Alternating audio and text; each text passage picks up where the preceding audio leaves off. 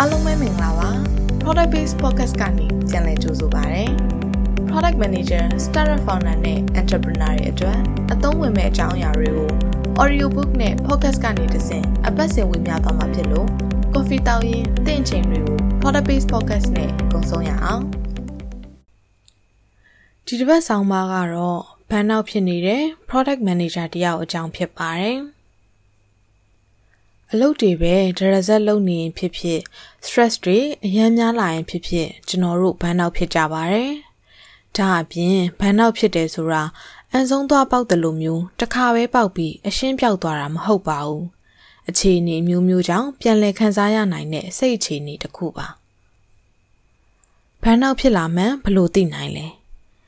တေချာတာကတော့ဘာဆိုဘာမှမလုပ်ချင်တော့ဘူးလုပ်ရမယ်ဆိုရင်လည်းအလုပ်ပေါ်အာယုံဆိုင်ရခတ်လာမယ် anxiety ဖြစ်မယ်ကိုကိုကို productive မဖြစ်တော့ဘူး creative မဖြစ်တော့ဘူးလို့ခံစားရလာမယ် product manager တွေဘန်နောက်ဖြစ်နိုင်လားအလုပ်လဲများ stress လဲများတဲ့ career ဖြစ်တဲ့အလျောက်ဘန်နောက်ဖြစ်နိုင်ကြလေအချိုးတူပါပဲလို့ဖြေပြရစီ။ဘာကြောင့် product manager တွေဘန်နောက်ဖြစ်ကြတာလဲ။ ဟုတ်ပါပြီကျွန်တော်ဘလို့အခြေအနေမှာဘန်းနောက်ဖြစ်တတ်လဲနဲ့ကျွန်တော်ဘလို့ကြော်ဖြတ်ခဲ့လဲဆိုတာကိုလွန်ခဲ့တဲ့လေးနှစ်ကကျွန်တော်စီကိုပြန်သွားပြီးအတွေ့အကြုံတွေပြန်လည်ဝေမျှကျင်ပါတယ် product manager အလုပ်က technology နဲ့ product ပဲလုပ်ရတာမဟုတ်ပဲ product တစ်ခု feature တစ်ခုထွက်ဖို့ကိုလိုအပ်သမျှအကောင့်ထဲပေါ်ရတာဖြစ်ပါတယ်။ ပြောချင်တာကတော့အဲ့လိုအကောင့်ထဲပေါ်ဖို့ department မျိုးစုံလူမျိုးစုံ background မျိုးစုံနဲ့ဒီလောက်ရလေးရှိပါတယ်။အဲ့ဒီအခါမှာနံပါတ်1ထိန်းချုပ်မှုမရှိခြင်းကိုကတော့ကို product ကို feature ကောင်းစေချင်တာပါပဲ။ဒါပေမဲ့ department ပေါင်းစုံကယာရုပေါင်းစုံနဲ့ထိတွေ့နေရတော့ကို product ကို control လုပ်လို့မရတတ်ပါဘူး။ဒီ department ကဒါလိုချင်တယ် ကို boss က competitor ကလုပ်ထားတဲ့ feature ကိုကို product မှာလည်းချက်ချင်းမြင်ခြင်းနဲ့စသဖြင့်မှာ product manager တယောက်အနေနဲ့ဖြစ်တင်တာတွေဆောင်ရန်ရှောင်ရန်တွေဝင်ပြောနေပေမဲ့လည်း product manager ဘာလုပ်လဲဆိုတာကိုဂဂနာနာမသိကြပဲ requirement gathering လုပ်တဲ့လူလိုပဲမြင်နေတတ်ကြတယ်။အဲ့ဒီအခါကို product ကိုမထိန်ချုပ်နိုင်ပဲ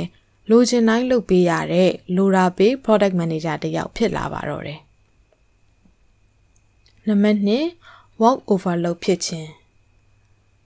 နံပါတ်1ကိုဆက်ရရင်လူရာတွေပဲလုပ်ပေးရတဲ့ product manager အတွက်တနေ့တနေ့အလုပ်ကများသက်ထက်များလာပါလိမ့်မယ်အားလုံးကလည်း product ကိုမကြည့်ပဲကိုလိုချင်တာရဖို့ပဲဥတီပြီးဒါကတော့အာချန်ဖြစ်လို့ဒါမှမရရင်ကွန်ပျူတာနောက်နောက်ကောက်ကြကြံခဲ့မယ်လို့ ਨੇ ဘလို့မှ စေးနိုးလုပ်လို့မရတဲ့ product manager အတွက်ခေါင်းကိုက်တဲ့အကွက်တွေများလာပါလိမ့်မယ်ဘယ် feature ပဲလာလာ deadline အချက်တွေနဲ့ pressure တွေကအပေါ်ကပဲမဟုတ်ပဲ feature ကို deadline အတွင်းထွက်ဖို့တွန်းရတဲ့အခါ development team တွေစီရပါ pressure တွေဝင်လာပါတော့တယ်။ product ကလည်း feature factory product ကြီးဖြစ်လာပါလိမ့်မယ်။ကိုယ်တိုင်လည်း work overload တွေဖြစ်လာပါလိမ့်မယ်။ဒီတော့နံပါတ်3 တန်နဲ့ reward မရခြင်းကိုကတော့မတက်နိုင်တဲ့အစုံ bullshit တွေကိုကြီးပဲအကောင်းဆုံးလိုက်လုပ်ပေးတယ်။နောက်ဆုံးတော့ department အသီးသီးက stakeholder တွေလိုချင်တာတွေရသွားတယ်။အသေးအတန်လိုက်လုပ်ပေးပေမဲ့ product မှာလည်းဘာမှမတိုးတက်သလို product team နဲ့ product manager စီမှာလည်းဘာအတိအမှတ်ပြုမှုမှမရလိုက်ဘူး။အများဆုံးကြားရ thank you ပဲ။ တဖြည်းဖြည်းနဲ့ assign tax တွေကများလာမယ် promotion တို့ salary တို့တိုးဖို့ဆိုတာကလည်းဝေလာဝေးပါပဲ။ကြာလာတော့ကိုကိုကို undervalue ဖြစ်လာမယ် insecure ဖြစ်လာမယ်ဆွဲဆောင်ရဖြစ်မလာပဲဆွဲဆောင်ခိုင်းမယ်ဖြစ်လာပါတော့တယ်နံပါတ်၄ခံယူချက်မတူတော့ခြင်းကိုက product vision product roadmap ကိုတာဝန်ယူရတဲ့သူ product ကို company ရဲ့ vision နဲ့လိုက်ပြီးတော့ align လုပ်ပေးရတဲ့သူပါ တခါတလေကုမ္ပဏီရဲ့ခဏခဏဒါမှမဟုတ်လုံးဝကိုပြောင်းသွားတဲ့ core value တွေပေါ်လာတဲ့အခါ product vision ကိုလည်းလိုက်ပြောင်းရသလိုကိုယ့်ရဲ့ကိုယ်ပိုင်ကုမ္ပဏီမှာရက်တည်ချက်ခံယူချက်တွေလည်းမတူတော့ဘူးကိုလိုချင်တာက1 to 10ကုမ္ပဏီက1 to 6လောက်ပဲလိုချင်တော့ရင်အားမလိုအားမရတွေဖြစ်လာမယ်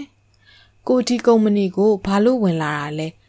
ဘာတွေအကောင်းဆုံးလုပ်ဖို့ဝင်လာတာလဲဆိုတဲ့ခံယူချက်တွေက အအနည်းနဲ့အမြန်အမိုက်ပုံးနဲ့ရောက်သွားတော့တာပါပဲဒီလိုတွေကြုံရတဲ့အခါတကယ်ဆိုးတဲ့အခြေအနေပါဒါမျိုးတွေကြုံရပံများလာတာနဲ့အမျှကျွန်တော်ဘန်းတော့ဖြစ်လာတော့တာပါပဲကောင်းတဲ့အတွေ့အကြုံတော့မဟုတ်ခဲ့ပါဘူးဒါပေမဲ့လည်းအဲ့ဓာတွေကိုသိထားတော့ထပ်မဖြစ်အောင်ရှောင်လို့တော့ရကောင်းရနိုင်တာပေါ့ကဲဒီမှာပဲခဏရက်လိုက်မယ် ဒါကတော့ကျွန်တော်လွန်ခဲ့တဲ့၄နှစ်ကကြုံတွေ့ခဲ့တဲ့အတွေ့အကြုံကိုပြန်လည်ဝေမျှတာဖြစ်ပါတယ်ကျွန်တော်တို့တွေဒီလိုဘန်းနောက်ဖြစ်လာရင်ဘလို့အကောင်းဆုံးကြော်ဖြတ်မလဲဆိုတာကိုတော့နောက်တစ်ပတ်ဆောင်းပါးမှာဆက်ပြီးတော့ဝေမျှသွားပါမယ်နောက်ထပ်နားဆင်ခြင်းတဲ့အကြောင်းအရာတွေရှိရင်လည်း product based website နဲ့ Facebook page တို့မှာ request လုပ်နိုင်ပါတယ်